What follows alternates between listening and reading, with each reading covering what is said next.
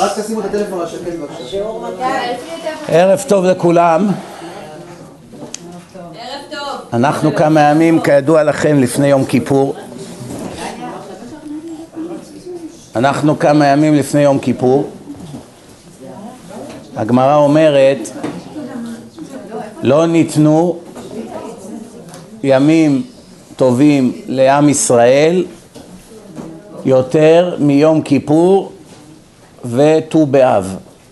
ט"ו באב, יש הרבה שחושבים שזה חג חילוני, יום אהבה, לא יודע, המציאו לזה כל מיני הגדרות. זה בא מהגמרא, שזה היה יום לשידוכים. היו הולכים ומשתטחים. היו באים כל הבנים, כל הבנות, הכל בצניעות, בקדושה.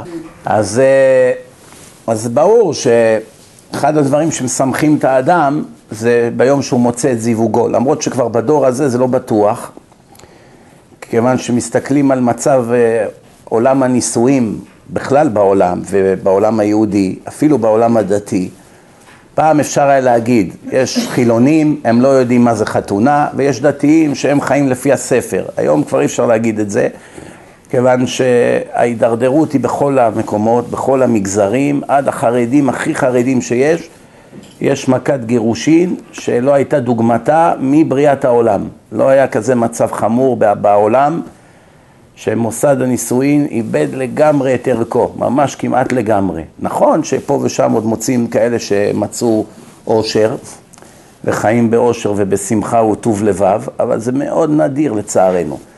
היום איך שהעולם נהיה ועם ההפקרות של כל האלקטרוניקה והטכנולוגיה ועל הפתיחות שנהיה ועל החוסר צניעות, על רמת הלימודים של הילדים מהיום שהם מתחנכים בבתי ספר והחומרניות וכל מה שנהיה בעולם, קמו המון אויבים על מוסד הנישואין. אויבים בלי סוף, אם זה חומרניות, אם זה מטריאליסטיות, אם זה כל מיני אופציות שלא היו מעולם. היום אנשים מכירים אנשים באינטרנט, ומשפחות נשברות כל דקה בגלל הדברים האלה. זה דברים שלא היו מעולם. עם כל הטכנולוגיה של הסמארטפונים והפייסבוקים וכל מה שיש היום, זה רק מוסיף עוד רעל לתערובת. רמת המוסריות של האנשים ירדה מאוד מאוד, כבר כמעט ואין מוסריות היום, ממש קשה למצוא אנשים מוסריים, וממילא, כיוון שאנשים גדלו בדור שהכל מגיע לי, כולם בעולם כדי לשרת אותי, אני כאן כדי לקבל, זו המנטליות שגדלנו ככה, ככה חינכו אותנו, אין מה לעשות. בין בהתחנכנו בארץ, בין בהתחנכנו באמריקה, חינכו אותנו כך, איך אומרים? grab as much as you can. איך אומרים במזללות בארץ? אכול ככל יכולתך. מכירים את החנויות האלה? אנשים אוכלים סתם רק בגלל שזה חינם. הם לא באמת רוצים לאכול. כיוון שזה בחינם אז הם לוקחים, כן? כמו אלה שקונים בגלל שזה 50% off. הם באמת לא צריכים את זה. מה אתה קונה עכשיו את הדבר הזה? תשתמש בזה עוד עשר שנים. שיהיה. למה? כי זה 50 אחוז אוף. buy one get one free, אז קונים, כן? בכל אופן, מה הנקודה? הנקודה שכיוון שהמוסריות ירדה, ממילא אנשים רק רוצים לקבל, אז אנשים גם לא מבינים מה זה להתחתן, מה המטלות, מה המחויבות שלך כאיש או כאישה, אז ממילא באים לשותפות בלי להתכונן. אז איך אדם שעכשיו הלך ורוצה להיות מהנדס מחשבים והוא אף פעם לא למד מחשבים, הוא יכול להצליח? אדם שלא נהג, לא למד נהיגה ורוצה להיות נהג מונית, הוא יכול להצליח? כל יומיים הוא יהיה במוסך. תאונה פה, תאונה, הוא לא יודע לנהוג. כל דבר ודבר, אדם שלא, אחת שלא למדה לעולם לבשל, אוי לאלה שיאכלו מהאוכל שלה, היא לעולם לא, אפילו איך אמר לי אחד החג שהיה אצלי, אומר לי גרושתי, אפילו ביצה קשה לא ידעה להכין. כשהיא הייתה מכינה ביצה קשה בדרך כלל זה היה נשרף. זאת אומרת זה המקסימום שהיא יכלה להכין. אז איך היא תכין אם בחיים היא לא למדה לבשל? כל אחד והתחום שלו, כן? מי שרוצה להצליח בתחום שהוא נכנס אליו, הוא חייב להתכונן, חייב להיות מלומד, כי אם הוא יישאר בור בתחום, אין לו סיכוי להצליח. גם חיי הנישואים מצריכים הרבה לימודים. יש, רוב הגירושין היום בעולם זה בגלל שאנשים נכנסו לגיר... לנישואים בלי ידע מה זה. לא ידעו מה המחויבויות שלהם, מה אני צריך כגבר, מה היא צריכה כאישה, לא ידעו, ומילא זה לא מצליח. בואו נגיד אלה שכן ידעו, גם אין ערובה, גם אין ביטחון מאה אחוז, עדיין יש בעיות, לפעמים יש מחלות לא ידועות, לפעמים יש דיכאונות, לפעמים יש התנהגות, אופי של בן אדם, למשל אדם מתחתן עם אישה והיא מטבעה קרה כמו קרח, זה הטבע שלה, קשה לשנות טבע. כמה שהוא מתחנן, רוצה ממנה תשומת לב, קצת, לא יעזור שום דבר, היא קוטב, זה השם שלה, אין מה לעשות. לפעמים זה הפוך. אישה יותר חיה מתשומת לב. כתוב, ואלישך תשוקתך והוא ימשול בך, ככה השם כתב בתורה. אחרי שחווה עברה את העבירה ואדם עבר את העבירה, כל אחד קיבל את הקללה שלו. הקללה של האדם זה שהוא יזיע קשה כדי להרוויח את הלחם.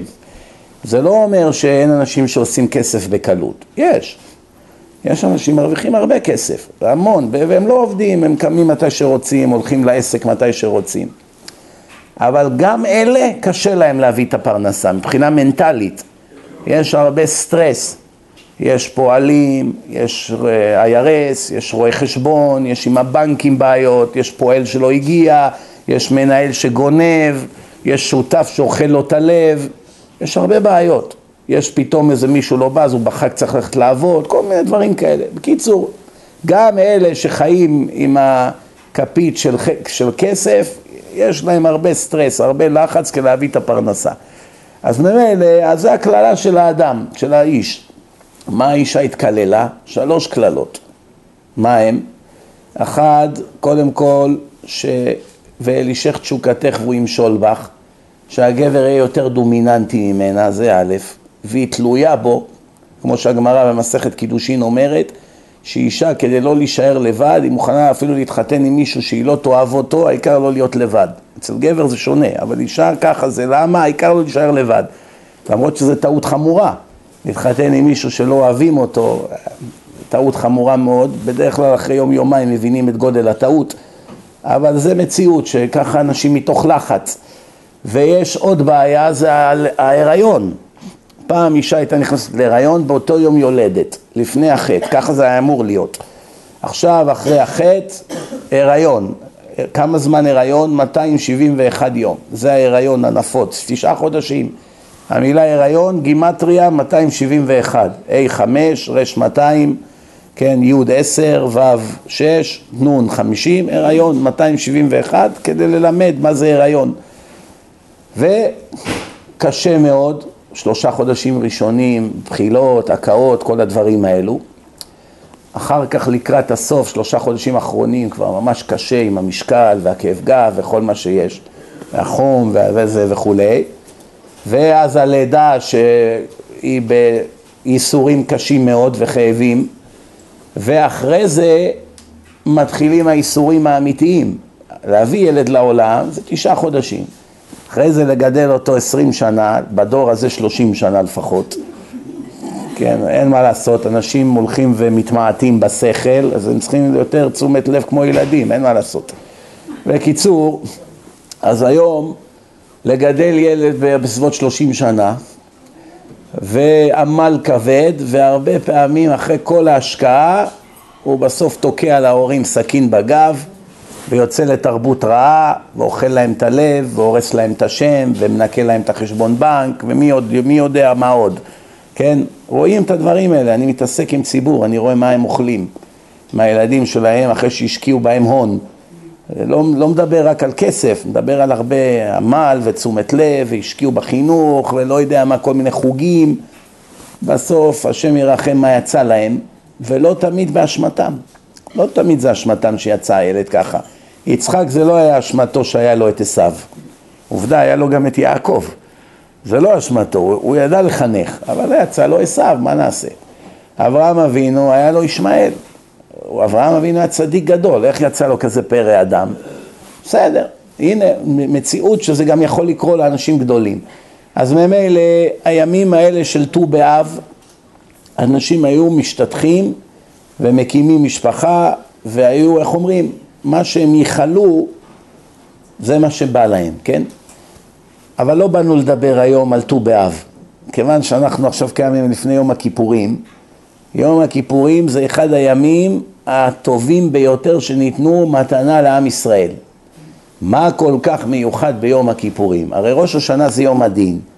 בראש השנה הקדוש ברוך הוא שופט את כל האנשים בעולם, יהודים, גויים, זכרים, נקבות, כולם, כל העולם נידון. אפילו הבהמות, מי תחיה, מי תמות, המדינות נידונות. כל מדינה ומדינה, למשל סוריה כבר ארבע חמש שנים הורגים שם אחד את השני, כל ראש השנה הקדוש ברוך הוא חותם על זה מחדש, כבר כמה שנים. ראש השנה הקדוש ברוך הוא רואה מה היה, מחליט עכשיו, השנה זה ימשיך, השנה זה ייגמר.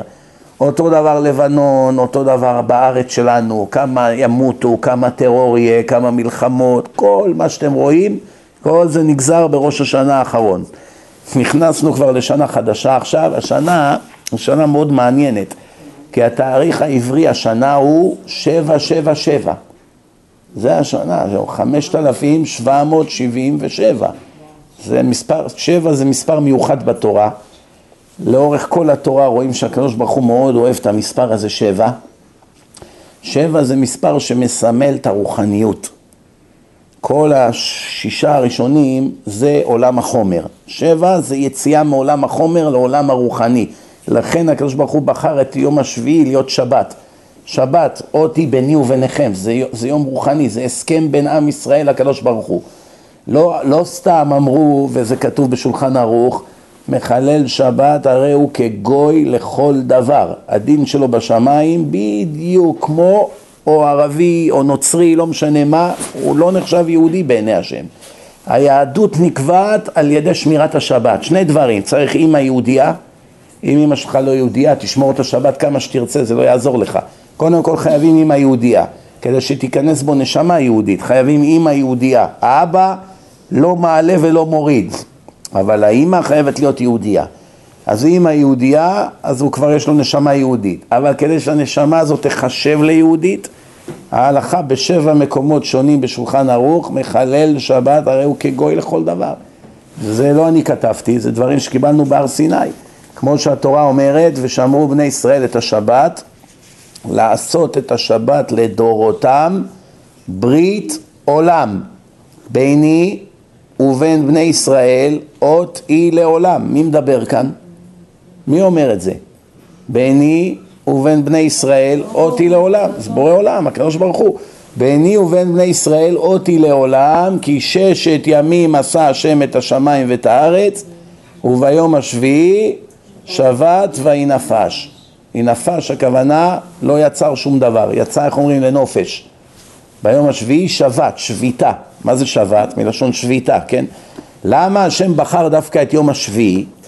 כי כל דבר חומרי יש לו שישה ממדים, כל דבר חומרי. למשל ספר, הנה, יש לו צפון, דרום, מזרח, מערב, מעלה ומטה. כל דבר, קחו כל דבר שתחזיקו ביד, אפילו אבן, יש לה מעלה, מטה וארבע כיוונים. זאת אומרת, כל דבר חומרי יש לו שישה ממדים. אבל דבר שכבר הוא רוחני, זה יציאה מעולם החומר. זה היום השביעי, זה הממד השביעי, זה יציאה מעולם החומר. שומעים? אז לכן, שבת היא היום, המי... היום המיוחד שבורא עולם בחר אותו. אבל חוץ מזה, נחזור רק לעניין שהתחלתי להסביר, שבע בכלל זה מספר מאוד חשוב בתורה. רואים הכל הולך בשביעיות. כל שבע שנים שנת שמיטה. הרבה דברים בהלכה, בתורה, זה הכל הולך בשביעיות, שימו לב, תמיד זה הולך בשביעיות. גם מספר הפעמים שמילים מסוימות מופיעות בתורה, זה תמיד הולך בכפולות של שבע. מדובר על אברהם אבינו, הכל בכפולות של שבע. מדובר על אבימלך באותו פרשה, בכפולות של שבע. אור, ויהי אור, בראשית ברא אלוקים, כתוב ויהי אור, שבע פעמים אור. כל הפעמים בתורה, יש לי הרצאה שלמה על מספר שבע, סודות של מספר שבע, מאוד מעניין. רואים שלאורך כל התורה תמיד הקדוש ברוך הוא הולך בכפולות של שבע. הכל, שבע זה מספר חשוב מאוד. והשנה נפלנו על שבע, שבע, שבע. מי יודע, אולי השנה הזאת באמת תהיה הגאולה. כי כל הסימנים מראים, כל הסימנים שנכתבו בתלמוד לפני אלפיים שנה, שיקרו לפני ביאת משיח, כולם התקיימו כבר. אז ברוך השם התנאים כבר התקיימו, אז עכשיו זה עניין של זמן. זה אולי השנה, אולי שנה הבאה, לא יודעים, אבל זה קרוב מאוד. אבל יש נקודה, איך אומרים? זה איליה וקוץ בה. אתם יודעים מה פירוש הביטוי איליה וקוץ בה? מה זה, מה זה אומר בעברית, איליה וקוץ בה? שקיבלת עכשיו איזו מתנה יפה, אבל יש איזה משהו שמפריע. למשל, אבא שלך קנה לך את המכונית הכי יפה שיש, אבל זה בא בלי שלט. אין שלט, כל פעם צריך להכניס מפתחות, לפתוח את הדלתות. אומר, מה זה כזו מכונית בלי שלט, מכונית הכי פשוטה בה, משהו מפריע. או אם זה בא עם איזה שריטה, קנית מכונית יפה ככה וזה, יום שהגיעה המכונית, זה בא עם איזה שריטה על הדלת או לא יודע מה, הרס לך את כל הכיף. זה נקרא בעברית איליה וקוצבה, אבל מאיפה בא הביטוי? יש הרבה ביטויים שמשתמשים בהם בשפה העברית המודרנית ואף אחד לא יודע מאיפה הם באו. למשל, מה פירוש המילה יוצא דופן? מה זה אומר יוצא דופן? Out of the ordinary. יוצא מן הכלל. יש כלל והוא יוצא מן הכלל. מאיפה בא? מה זה שייך דופן? יוצא זה יצ... לצאת. דופן זה מהצד. מה זה שייך עכשיו יוצא דופן? לצאת מהצד? איך זה שייך ל-out of the ordinary? אין בכלל קשר בין המילים. תשובה ודאי שיש. מה זה יוצא דופן? בגמרא מדובר על נשים שהיו עושים להם, החכמים, ניתוח קיסרי. זה לא המצאה של הדור הזה.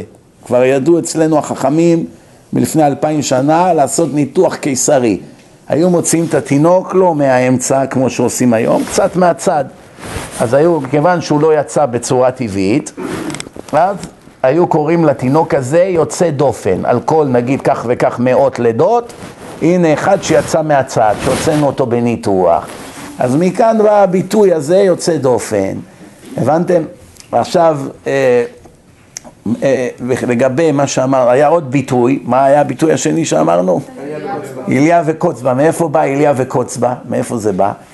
בבהמה יש את החלק הזה, איפה שהטינים של החלב, זה מלא חלק שומני טעים מאוד, זה נקרא איליה. זה חלק מאוד מאוד משובח בפרה. אבל אם נכנס בזה איזה קוץ או איזה דוקרן, משהו, זה הורס את הכל, כי הכל נוזל משם, ואז זה כבר לא שווה הרבה. אז, אז אמנם זה החלק הכי טוב בבהמה למאכל, אבל אם נכנס שם איזה קוץ או משהו, אז זה הרס את כל הטוב שלו. זה נקרא אליה וקוץ בה. אותו דבר כאן. גאולה זה דבר הרבה יותר חשוב מאליה, כן? זה דבר חשוב מאוד, כולנו רוצים להיגאל. רק מה הבעיה? הבעיה שכתוב בנביאים על, על המשיח, כתוב ובא לציון גואל, למי הוא יבוא? מה ההמשך של הפסוק? לשווה פשע ביעקב. המשיח לא בא לכל היהודים בעולם, לצערי הרב, הלוואי שזה היה ככה. המשיח בא רק לאלה ששבו מפשעם נגד השם. איך ייתכן שיהודי יהיה פושע נגד בורא עולם? התשובה היא, לא בגלל שיש לו לב רע. יכול להיות שזה יהודי או יהודייה מאוד נחמדים, כולם אוהבים אותם, הם מקובלים בחברה, הם, אתם יודעים, אנשים מאוד נחמדים, אבל מה? הם עוברים בשיטתיות על חוקי התורה. תורה, הקדוש ברוך הוא נתן לנו בהר סיני לעיני מיליוני עדים לפני שלושת אלפים שלוש מאות שנה. קיבלנו את התורה בהר סיני, במעמד פומבי. מיליונים של יהודים שמעו את השם ואת משה מדברים. זה לא דבר של מה, זה מעולם לא קרה בעולם כזה דבר. אצל הגויים למשל, יש שמונים אלף דתות וכתות. כולם בלוף. כולם התחילו מסיפור של אדם אחד. אף פעם לא היו עדים. לא היו עדים למוחמד, לא היו עדים למרי שהיה לה את החלום, לא היו עדים לבודה, לא היו עדים לקרישנה, לא היה עדים לאף אחד מאלה. והנה הם התחילו דתות, כלומר התחילו דתות בעקבותיהם של מאות מיליוני אנשים ו... ואין אפילו עדות אחת שהדת הזאת אמת. להפך, כשמעיינים בספרים שלהם, המון טעויות מוצאים. והנה התורה שלנו היא הראשונה, אנחנו 900 שנה לפני בודהיזם, לפני בודה. יש מאות מיליוני בודהיסטים בעולם. אנחנו היהודים 900 שנה לפני הבודהיסטים, לפני שבודה חי. הוא חי לפני 2400 שנה, אנחנו התחלנו לפני 3300 שנה. אנחנו לפני נצרות, 1,300 שנה לפני נצרות, אנחנו 2,000 שנה לפני האסלאם, אסלאם זה 1,300 ו... ומשהו שנים, זאת אומרת אנחנו הרבה לפני כל הדתות הגדולות האלה, ואנחנו סך הכל 13.2 מיליון יהודים בכל העולם, זהו. ומתוך ה-13.2 מיליון, רק שני מיליון שומרי שבת, בכל העולם, זהו. שני מיליון אנשים בעולם שומרים מצוות לפי מה שהשם ציווה, אבל גם לא כל השני מיליון צדיקים. יש הרבה שומרי שבת, אבל הם גנבים, עושים כל מיני עבירות, אז גם אלה, הם יש איתם בעיות. בקיצור, כמה בסופו של דבר יש באמת צדיקים? כמה עשרות אלפים, זהו, בכל העולם. שבעה וחצי מיליארד איש, כמה עשרות אלפים של צדיקים, זהו זה. יש כל מיני בחורי ישיבות צדיקים עם מידות טובות, כל היום לומדים, אהבת השם יש להם, לא פוגעים באף אדם, אלה צדיקים. יש גם צדיקים, לא רק תלמידי ישיבות הם צדיקים, יש גם אנשי עסקים צדיקים, יש נשים צדקניות, יש הרבה ברוך השם צדיקים, אבל ביחס לעולם זה כלום, זה אפילו לא אחוז של אחוז. זאת אומרת, רואים שרוב העולם חי בחושך רוחני ובשקר גמור. אנחנו כרגע לא באנו לדבר על העולם, אותנו מעניין העם שלנו.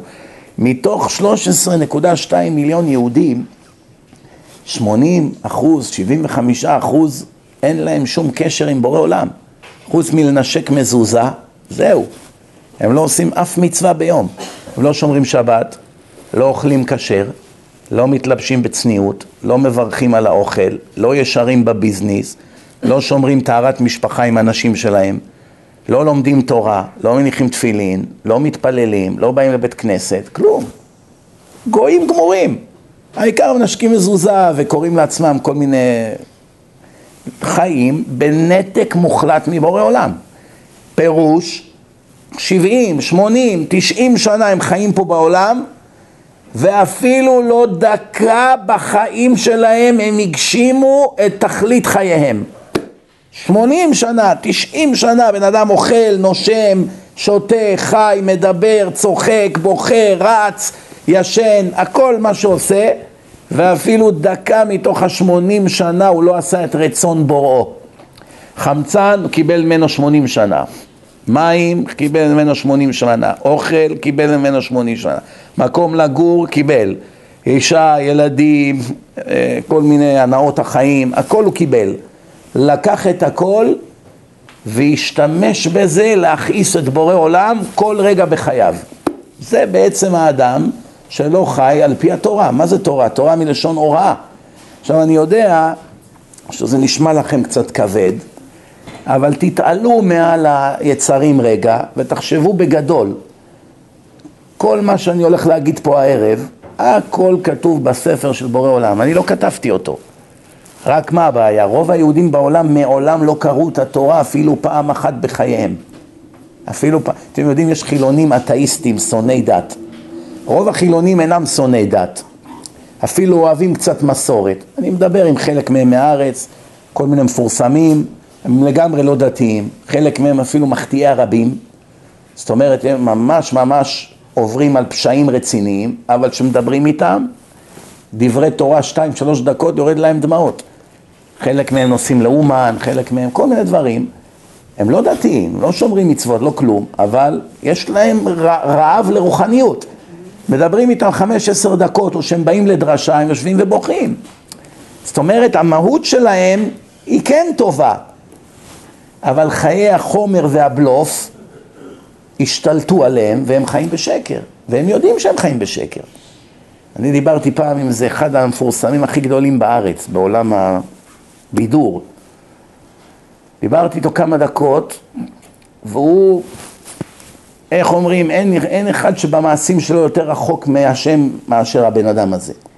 מאוד מאוד רחוק בהתנהגויות שלו, בדברים שהוא עושה.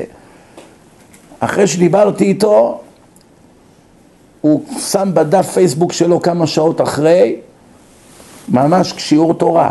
כתב, יש לי הכל ואין לי כלום. לפעמים נדמה שיש לך את הכל, הגעת לשיא ההצלחה, ובסופו של דבר בלי הקדוש ברוך הוא אין לך כלום ואתה לא שווה כלום. פתאום נהיה הרבי מלובביץ', שמע ממני כמה דקות דבר תורה, כבר הרגיש שהוא חי בשקר. למחרת חזר לשקר, כמובן. אי אפשר בחמש דקות, כן? איך אומרים? איך אומרים? רומא לא נבנתה ביום. זה תהליך ארוך, אבל הנקודה היא שבתוך תוכו של היהודי רובם כן אוהבים את הקדוש ברוך הוא ולא מעוניינים להכעיס אותו. למה הם בכל זאת עושים את זה כל רגע בחייהם? או בורות, או הם פשוט לא מבינים מה הם עושים. מעולם הם לא קראו את התורה. יש, אמרתי, התחלתי להגיד, יש אתאיסטים, יש להם נאומים ארסיים ביותר נגד הדת, נגד בורא עולם, נגד הדתיים, נגד הרבנים, נגד כולם. תשאלו אותם, אני שאלתי אותם מאות פעמים, כמה פעמים הם קראו את התורה בחיים שלהם? אפילו לא פעם אחת. הם לא קראו אפילו את התורה, לא מבינים את ההבנה הבסיסית של ילדים בגיל חמש, בעולם החרדי כבר יודעים, או שש, הם לא קראו פעם אחת כל החיים שלהם. הוא בן ארבעים, חמישים, שישים, מדבר, כל, כל החיים שלו הוא נגד הדת, בסוף שאומרים לו, תגיד, אתה כל כך שונא את התורה, קראת אותה פעם אחת? מה התשובה? לא. שמעתי קצת פה, שמעתי קצת שם. הוא כבר גיבש דעה על ההתנהגות של הדתיים. הוא ראה איזה כמה דתיים מעצבנים, הוא החליט שהדת מעצבנת. הוא ראה כמה דתיים מזויפים, החליט שהקדוש ברוך הוא לא בשבילו. מה זה שייך זה לזה? כאן באמריקה יש ספר חוקים. יש איזה אחד מרמה במיסים, יש אחד רוצח, יש אחד אנס. האם זה אומר שבגלל שיש כאלה אנשים זו החוקה? אם עכשיו יתפסו אדם שאנס, ישאלו אותו למה אנסת, הוא אומר ראיתי אחד שעובד בממשלה שהוא בעצמו אנס. אז אם הוא זה שמייצג את החוק והוא עושה כאלה דברים, אז גם אני אעשה. אז יגיד לו טיפש, אדרבה, בגלל שיש אחד מזויף כזה, מה אתה גם כן באת להיות מזויף? הפוך, היית צריך להיגאל ממנו ולהיזהר איך לא להיות. אם ראית עכשיו מזויף, גידל זקן, לא יודע מה, ועושה דברים לא כהוגן, זה, אבל בתורה כתוב שצריך לעשות הפוך. תורה מזהירה. מה, אתם חושבים שההבדלים בעונשים בין דתיים לחילונים, בכלל יש הבדל? אם כבר הדתיים מקבלים עונש יותר חמור מהחילונים, למה דתי מקבל עונש יותר גרוע מחילוני? אם חילוני עכשיו דיבר לשון הרע, הוא מקבל על זה עונש חמור. כל הלשון הרע שהוא מדבר, הוא יקבל על הכל עונש חמור. אבל הדתיים שמדבר לשון הרע מקבל עונש כפול. למה? מה זה, איפה ואיפה? הוא יודע מה, הוא למד את זה. אחד שלמד משפטים והוא פושע, ואחד שלא למד משפטים והוא פושע. למי מגיע עונש יותר חמור? זה שלמד. זה שלמד משפטים. מה, למדת את כל החוקה, היית חמש שנים בלואו סקול, ובסוף אתה מתנהג כמו איזה פרחח מהשכונה? מילא לא למדת כלום, בסדר, לא מצפים ממך להרבה, כן? מובן, כן? גם השופטים בבתי משפט, הם יודעים תמיד להבדיל על פי הרקע של האדם, רואים איפה הוא בא, איזה ידע היה לו. לפעמים השופט רואה שבאמת הבן אדם עשה את זה בתמימות, הוא לא באמת התכוון לפשוע, הוא מתחשב בזה בדין, הוא מתחשב. אבל אם יודעים שהוא התכוון לפשוע, נותנים לו את מלוא חומרת העונש. אז התחלתי להסביר. ראש השנה הוא יום הדין. היום הרת עולם, היום יעמיד במשפט כל יצורי עולם. כל מי שנוצר בעולם עומד למשפט, יהודים וגויים.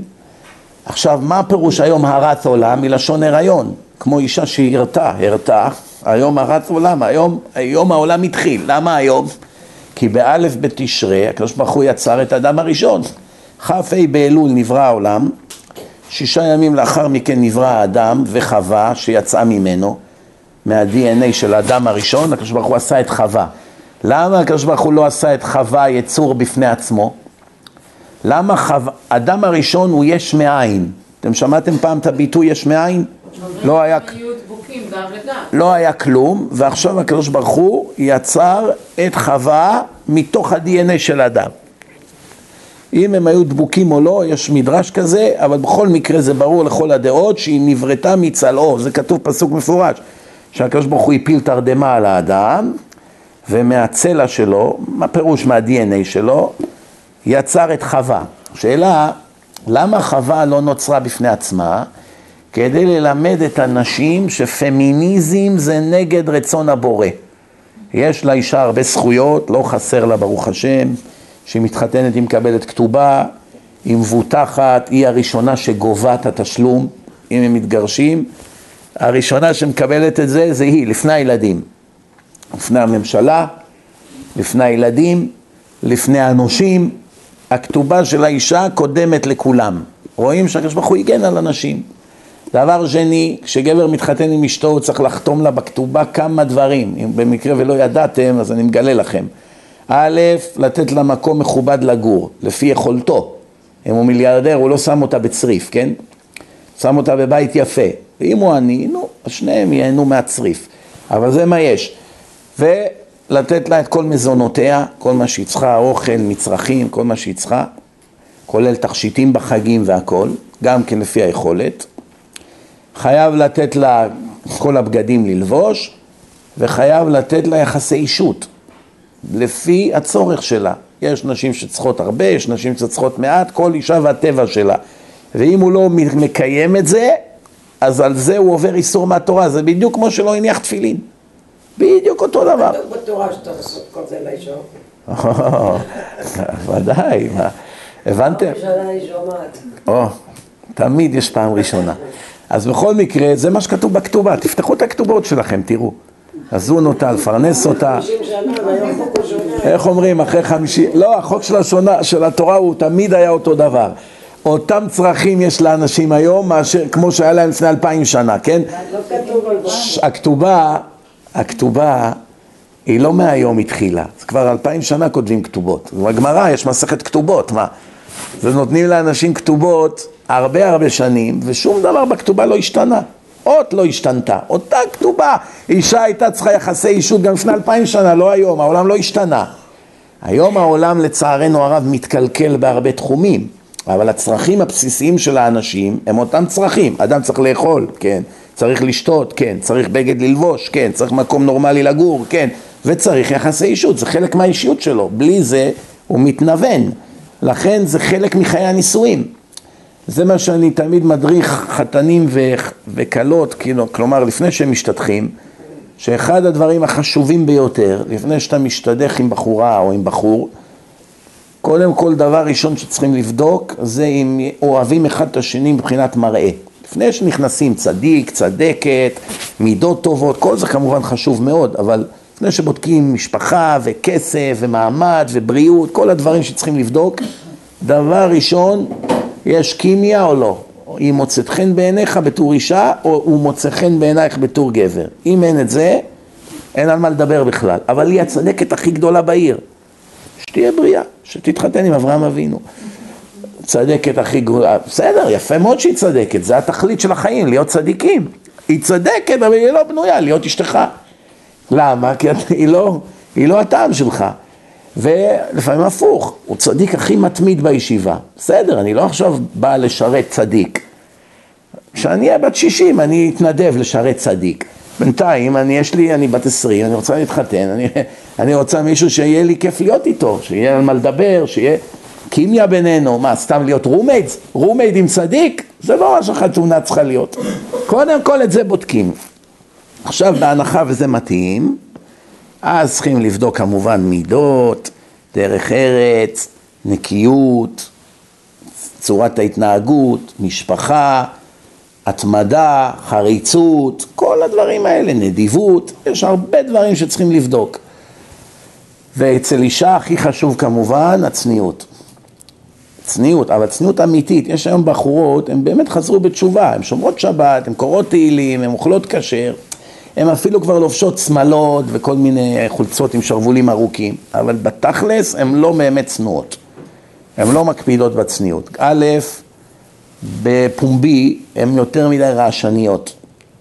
כתוב אה, שבת ישראל היא צריכה להיות מופנמת, מה הפירוש? היא צריכה להיות יפה לבעלה, הוא עולמה, היא עולמו, והיא לא צריכה עכשיו להיות רכוש של החברה, לא בטלוויזיות, לא בפרסומות, לא יודע, בכל המקומות האלה. זה לא תפקידה של האישה היהודייה. אלוקים שונא חוסר צניעות. אלוקים שונא זימה. כתוב בתורה פסוק, וראה בך ערוות דבר ושב מאחריך. מה הפירוש? כתוב, והיה מחנך קדוש, קדושים תהיו כי קדוש אני. כמו שאני קדוש, אתם חייבים להיות קדושים. איך אתם קדושים? פרושים מעריות. לא עושים עבירות מין, ולא רק זה, מה זה ערווה? כל מקום בגוף האישה שעל פי ההלכה חייב להיות מכוסה והוא גלוי, זה נקרא ערווה. אסור לברך או לעשות קריאת שמע כשהאיברים האלה גלויים לעיניו של הגבר. גבר עכשיו, לפעמים אתם רואים רבנים, הם באים לחתונות לסדר קידושין, הם לא מרימים את הראש. הכלה היא באה עם בגד ים לחופה, אז איך הוא ירים את הראש? אז הוא מסכן, ככה הוא בא, הוא אומר את כל מה שזה, כבר נהיה לו כאב צוואר. שבועיים אחרי זה הוא לא יכול להזיז את ה...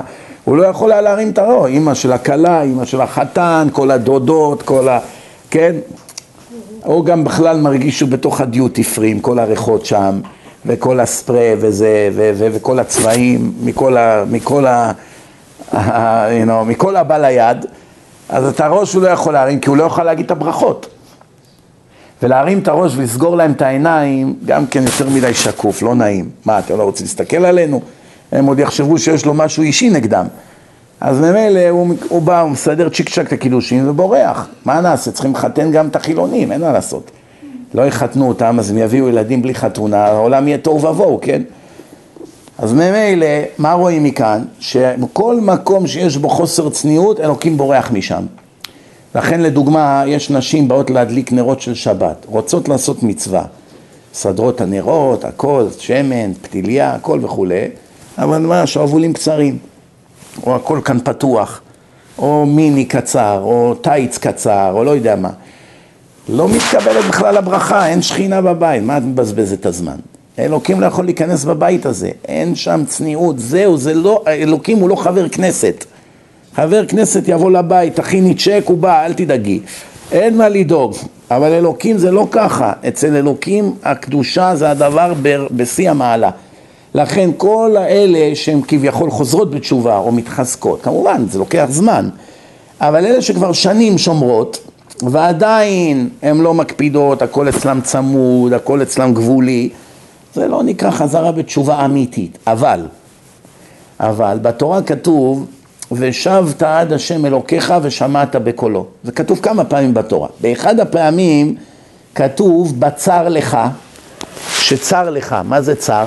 שאתה במצור. איך אומרים? אני סוגר עליך. איסורים, בנקרפסי, פרנסה כבר לא מה שהיה, איזה מחלה לא עלינו, מתיחות בבית, צרות עם הילדים, צרות עם ההורים, לא יודע מה. יש הרבה... נכון, נכון. נכון, ודאי, אצל... גם אצל הדתיים. גם, גם הדתיים, גם הדתיים חייבים לחזור בתשובה כל יום. התשובה היא לא רק לחילונים. אתם שומעים? הדתיים והחילונים, כולם חייבים לחזור בתשובה, לא רק החילונים. הדתיים בעצמם, אמרתי, הדתיים נענשים יותר קשה מהחילונים, כי מהם השם מצפה ליותר, כי הם למדו דת. יכולה להגיד משהו? כן. אני חושבת שמי שנענש, אין לזה קשר להיות דתי או לא דתי. תעשה דברים רעים, תקבל רע, זה כבר קרמה. בדיוק. אני רואה את החיים בנקודה... תעשה דברים רעים, תקבל רע ממי? מהעצים? מהירח? מי מתקבל רע? ככה זה עובד, זה העולם. מי שולח את הרע? הקדוש ברוך הוא. או, זהו. אנחנו אומרים אותו דבר. בשבילך, בשבילי זה קרמה, קרמה. מה זה קרמה? מאיפה באה המילה הזאת קרמה? אה, לא יודעת. מילה הודית. מילה הודית. אוקיי. כן, של עובדי אלילים. את מעדיפה להשתמש במילה הזאת? בבקשה. אני מעדיף להשתמש מה שאלוקים אמר בתורה שהוא נתן לנו ולימד אותנו איך הוא ברא את העולם והקדוש ברוך הוא אמר, ישמר לך פן תשכח את השם אלוקיך וכתוב אם בחוקותיי תלכו, אז יש ברכות שבאות אחרי זה ואם בחוקותיי לא תלכו, יש רשימה של עונשים זאת אומרת העונשים באים אך ורק מהשם ומשום דבר אחר לא שום דבר אחר, אך ורק מבורא עולם. אדם שהוא חולה זה מבורא עולם. אבל בורא עולם אין לו איזה רולטה שהיום הוא במצב רוח לא טוב, הוא מסובב אותה ונפל על איציק. זה לא עובד ככה. אלא בראש השנה בוחנים את כל מה שעשית בשנה האחרונה פלוס כל שאר החיים שלך. לפעמים זה גם דברים מגלגולים שעברו. כן. לפעמים יש מגלגולים שעברו. זאת אומרת, הרבה פעמים אדם הוא צדיק בחיים האלה. הוא לא עושה עבירות, הוא בן אדם טוב, באמת בן אדם טוב, לא בלוף, יש כאלה הם נראים טובים, אבל הם לא טובים, אבל יש כאלה הם באמת טובים, ממש טובים, שומרים מצוות, בין אדם לחברו, אנשי חסד, אנשים ישרים, אין להם אויב, אין לאנשים האלה אויב, למה הם לא גרמו לשום אדם לא לאהוב אותם, והנה פתאום שומעים בגיל אני יודע מה 40 יש לו את המחלה, אז כולם מתפלאים, אומרים רגע מה זה, מילא אדם רע, אכזר, גנב, שודד, רוצח, בסדר, מאפיונר, מבינים, מבינים לפחות, אפשר להבין מאיפה זה בא, אבל למה הנחמד הזה גם קיבל כזה עונש, נכון? אני מכירה... למה ילדים? כן, לא- או, למה ילדים? או, אז למה ילדים למשל, למשל ילדים, מה ילד חטא שפתאום בא לו כל מיני מכות ומחלות וזה, אלא החיים בעולם הזה זה הכל גלגולים. הנשמה חוזרת בגוף חדש, אבל הנשמה היא מביאה איתה מטען מה, מהגלגול שעבר. הרבה פעמים בן אדם נולד לעולם הזה כדי לעבור כאן תיקון, מה פירוש? הוא יחיה תקופה מסוימת, הוא יעבור כך וכך איסורים מסוימים, וכל זה אך ורק מהחיים הקודמים שלו, שום דבר לא מהחיים האלה, בחיים האלה הוא לא גרם לשום בעיה, אבל זה הכל על מה שהוא היה, אולי, היה רוצח, אולי היה שודד, אולי היה אכזר, היו לו מידות לא טובות, פגע באנשים, עכשיו מגלגלים אותו והוא אוכל בדיוק את מה שהוא עשה לאנשים, כי כל עונשיו של הקדוש ברוך הוא, הכל מידה כנגד מידה, זו הנוסחה, נוסחה מתמטית. אין סתם עונש, זה לא שופט בבית המשפט לפי המצב רוח שלו החליט שבע שנים, חודש אחרי בדיוק אותו מקרה החליט תשע שנים. תלוי, הוא עכשיו קצת יותר עצבני, נמאס לו, הרביץ לו עוד שנתיים. זה לא עובד ככה אצל הקדוש ברוך הוא. אצל הקדוש ברוך הוא הכל כחוט השערה, הכל מחושב לפי כל הגלגולים, לפי שורש הנשמה, לפי הרמה של הנשמה, לפי החינוך שקיבלת, מי היו הוריך, כמה אחים גדלת בבית, מה מצבך הכלכלי, מה מצבך השכלי, הכל הקדוש ברוך הוא מחשב.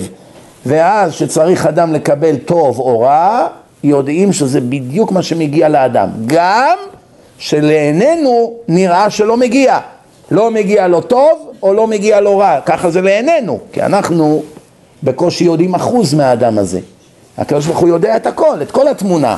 לכן, קודם כל, הרבה מהדתיים שאמרתם שהם סובלים, הם לא בכלל דתיים, הרבה מהם. הרבה מהם לא דתיים. הנה, חבר שלי הלך לאיזה, לאיזה מושב דתי, איזה שכונה דתית, לא מושב, בלי להגיד שמות, הלך לשם להתארח אצל אחותו, היא גרה שם. זה מה שנקרא, היו שם הרבה כאלה דתיים לאומים, לא חרדים, אבל דתיים לאומים. והוא אומר שאחרי התפילה בשבת, התפללו, הכל כרגיל, הולכים לבריכה השכונתית, גברים ונשים בתוך המים ביחד, כולם ערומים. אז הוא שאל את אחותו, מה זה, איך זה יכול להיות? מה, אנשים עם כיפה על הזה ככה מתנהגים עוד בשבת? מה היא אומרת? היא אומרת, אנחנו, המים זה חציצה. אומר לה, מה השטויות האלה? מים? מה, אנשים לא יוצאים מהמים, מסתובבים על שפת הבריכה? איזה שטויות אלה? אז מה הם אמרו? בסוף, אחרי שהתפתלו וזה, וניסו למצוא תירוץ, בסוף ענו לה, ענו לו, אמרו, אה, אנחנו לא מתרגשים מזה. בחורות ככה עם בגד ים, לא, אף אחד פה לא מתרגש, למה? כולם יש להם טלוויזיות בבית, כל היום רואים תועבה, כבר לא מרגש אותם בכלל. חרדי, שנייה אחת מסתכל על זה, אין לו טלוויזיה, אין לו מחשב, אין לו אינטרנט, שנייה אחת הוא יעמוד חוף הים או שפת הבריכה, הוא יתעלף. אבל אלה כבר חיים בתוך הזוהמה 30-40 שנה, לא מתרגשים בכלל. וזה נכון, רואים את זה במציאות, מה? לא מרגש אותם בכלל. אז הנה לך דוגמה, עכשיו אם אחד כזה עם כיפה, שרואים אותו הולך לבית כנסת כל בוקר, חושבים איזה צדיק, והוא עובר על העבירות הכי חמורות בתורה. אז את רואה שלא כולם באמת צדיקים. כמובן אני לא אומר שמות, לכן אנחנו לא יודעים על מי אני מדבר, רק לעצם הבנת העניין. זה דבר אחד. דבר שני, עוד צריכים להבין רבותיי, בתורה כתוב שחייבים לשמוע בקול השם, לאהבה את השם אלוקיך ויראת מהשם אלוקיך ושמעת בקולו, יש הרבה פסוקים כאלה, לדבקה בהשם אלוקיך כי הוא הנותן לך כוח לעשות חיל, ישמר לך פן תשכח את השם אלוקיך. למשל אמרתם לפעמים יש אנשים שהם רשעים והם חוגגים פה בעולם הזה מכוניות פאר, בתים יפים, פרנסה, אישה, ילדים, אני יודע מה, איזה כוכב קולנוע, מה, כולם הרי מקנאים בו, לא? אז אני אגיד לך, הנה, אני אגיד לך מה השם אמר על האנשים האלה בתורה, ותראי שאין מה לקנות בהם. בתורה בסוף פרשת ואתחנן כתוב, אני אלקנה משלם לרשע אל פניו לעבידו, לא האחר לשלם לו, אל פניו אשלם לו לעבידו. את הכמה מצוות שהוא שומר, אותו רשע, הרי אין אחד שלא עושה מצוות. מספיק שיום בשנה הוא צם בכיפור, זה כבר מצווה גדולה. מספיק שיש לו מזוזות בבית, זה מצווה גדולה. אבל יש גם מצוות שזה אדם לחברו. נכון, גם אלה מצוות. גם, אלה מצוות. למשל עזר לחבר, חבר נתקע עם הרכב, הוא הלך עם כבלים, הניע לו, שש בבוקר, לא... זה גם חסד. למרות שרוב המצוות שהרשעים עושים, זה הכל בשביל אינטרס. אם יצא לי מזה משהו, הוא עושה, אם לא הוא ממציא שקר, איזה תירוץ, אני לא יכול, אני חולה, אני לא, אני לא במדינה, אני חוץ לארץ, אני זה, כי לא יצא לו מזה כלום, אז הוא לא מוכן. יש גם אנשים טובים שעושים בלי, בלי לקבל תמורה. נגיד יש אחד שיגיד לו בוא תשלים מניין, והוא בכלל לא, לא, הוא לא מתפלל, לא בשבילו, אבל הוא מרחם עליהם, נתקעו בלי מניין, אז הוא ייכנס, יתפלל, הוא לא מאמין בזה. אז קראו לו בוא כנס, או שאמרו לו יש איזה לוויה לאיזה מסכן אחד, אין שם מניין, אין לו ילדים, אין לו כלום. אתה מוכן לבוא מחר לבית העלמין? מה יצא לו מזה? כסף הוא לא יקבל, הנפטר לא יגיד לו תודה אפילו, צ'ק לא יקבל, כלום.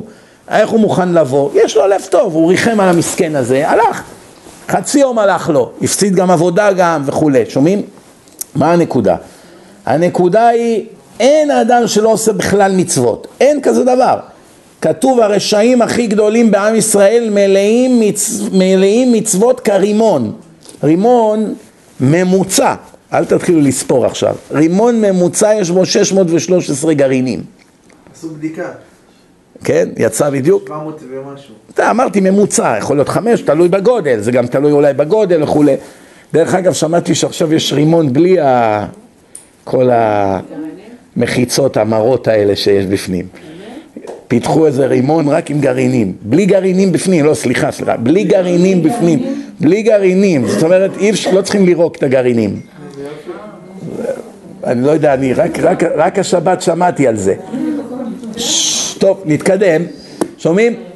אז, אז אין כזה דבר שלא יעשו מצוות פה ושם, כן? אז הוא עדיין יהודי טוב. אז לא, אז תראי, אני אגיד לך מה, הוא יהודי טוב או לא? רחוק מלהיות טוב. כי אדם שעושה, איפה אהבת ישראל. אני אגיד לכם, אני, אותו למשהו. אני אגיד, לכם, אני אגיד לכם, אני אומר מה שכתוב בתורה, אתם לא חייבים להסכים איתי, תשאלו אותי איפה זה כתוב, אני אראה לכם, אבל לכעוס אין לכם מה, כי הכעס שלכם, שואלת, הוא יהודי טוב או לא? הכעס שלכם הוא כלפי בורא עולם. יש כ...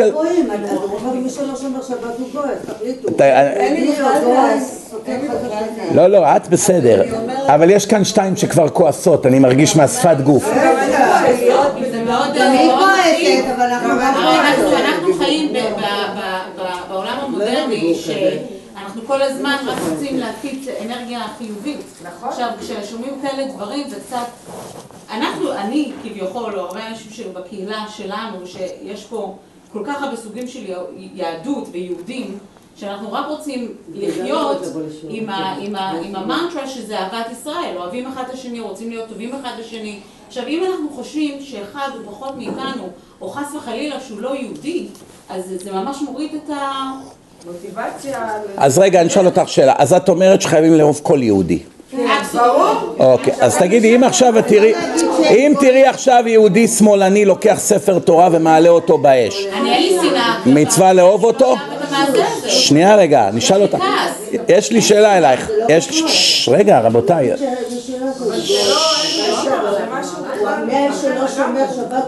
לא אני אמרתי, התורה אומרת, לא אני, עוד פעם, אני לא אומר כלום, אני רק קורא מה שכתוב אני בתורה. יודעת שאני כן. מצטערת, אבל אני גם, בכל הכבוד. כן. אה, חב"ד הרי יש להם את כל האמונה של אהבת ישראל, וכל יהודי שיש בו איזה... הסבתא, ב- ב- ב- בזכות הסבתא הוא יהודי, אז הוא יהודי, ויש תמיד תקווה לכל יהודי. שאלתי אותך שאלה, אדם עכשיו בא ביום כיפור, נכנס לבית הכנסת, שרף את הספרי תורה, יהודי. לא דבר. מצווה לאהוב אותו או לא? לא. לא, את, את מוכנה להתחתן עם אחד כזה? בטח שלא. או, את מוכנה שהילדה שלך תתחתן איתו? 99 אחוז. רגע, רגע, הבת שלך אומרת שהיא רוצה להתחתן איתו, את מוכנה או לא? לא? רגע, רגע, את אומרת שמצווה לאהוב אותו, למה לא? זה מצווה לאהוב כל יהודי. אז למה שלא תתחתן איתו? מצווה לאהוב אותו. למה? כי לכל יהודי יש תקווה לחזור בתשובה, נכון? רגע, רגע, בסדר. אולי יום אחד הוא יהיה צדיק, כרגע מה הוא? כרגע מה הוא? כרגע הוא יכול להיות או חב"דניקים לא בן אדם שאין לו השכלה או שהוא בור הארץ, כן. או הוא רשע. אוקיי, עכשיו אדם שרוצח למחייתו, כל יום הולך, יורה לאיזה מישהו בראש, הורג אותו. מצווה לאכול... אתה נותן... רגע, רגע, רגע, את אמרת, את תעמדי מאחרי מה שאת אמרת. את אמרת מצווה לאהוב כל יהודי. יש הרבה יהודים רוצחים היום בעולם, שרוצחים יום יום, מאפיונרים, כל מיני כנופיות של פשע. אין לנו מגע לדבר... רגע, רגע, רגע, רגע, שנייה. הם עכשיו באים לבית הכנסת גם כן ביום כיפור, הרבה מהם. הרוצחים, הסוחרי סמים שמרעילים את הילדים. מצווה לאהוב אותם או לא? לא לא. יש, יש בחורה התחתנה עם הכלב שלה, יהודייה פה בניו יורק. מצווה לאהוב אותה או לא? אז בקיצור, לאט לאט את רואה שיש הרבה שלא כל כך מצווה לאהוב אותם. אין לי שנאה בליבי, אם אין לי שנאה בליבי כלפי ערבי, אז למה שאני אחשוב שיש יהודית שהם? אני אגיד לך מה, את יודעת, את מזכירה לי, בלי, לא את, בכלל, אנשים שאומרים ככה, מצווה לאהוב את כולם, את מזכירה לי את אלה מצפון תל אביב, ש... אני שומרת... לא, לא, לא, לא, לא הבנת. תני לי לסיים, תביני. לא, לא, אני מבין, אני, לא, אני, רק, אני רק רוצה שתבינו מה אני אומר. אלה מצפון תל אביב, שאלי ישי היה שר הפנים, והוא פתח בתוכנית לגירוש הסודנים וכל אלה שהסתננו לארץ כנגד החוק. הוא עשה תוכנית לגרש עשרים אלף אה, אה, אזרחים זרים שנכנסו לארץ דרך אה, מצרים, כן? אז כל השמאלנים וכל הצפונים התחילו לצעוק שזה גזענות, מה הם אשמים, הם, קשה להם. אז, אז כולם צעקו בעדם ועשו כל מיני דברים. עד שהביאו אותם, ברוך מרזל והימנים, הביאו אותם לבריכה של רמת אביב, מילאו שם את הבריכה בסודנים, היית צריכה לראות מה הם עשו. התחילו לצרוח, ראית את זה? התחילו לצרוח, תתביישו, קראו למשטרה. אמר להם, אני לא מבין, זה הבריכה ציבורית. אתם אומרים שהסודנים הם בסדר ומותר להם להיות כאן. כל עוד הם לא היו אצלכם בשכונה, אהבתם אותם. רק הבאנו אותם לגור אצלכם בשכונה שעה אחת, אתם רוצים להרוג את כולם פה. להגיד סיסמאות, זה משהו אחר. להבדיל, אני לא שבת, כשאנחנו אני מדברים על יהודים, אנחנו מדברים על. סודנים. תגידי לי, אני אשאל אותך שאלה, מי אומר את זה?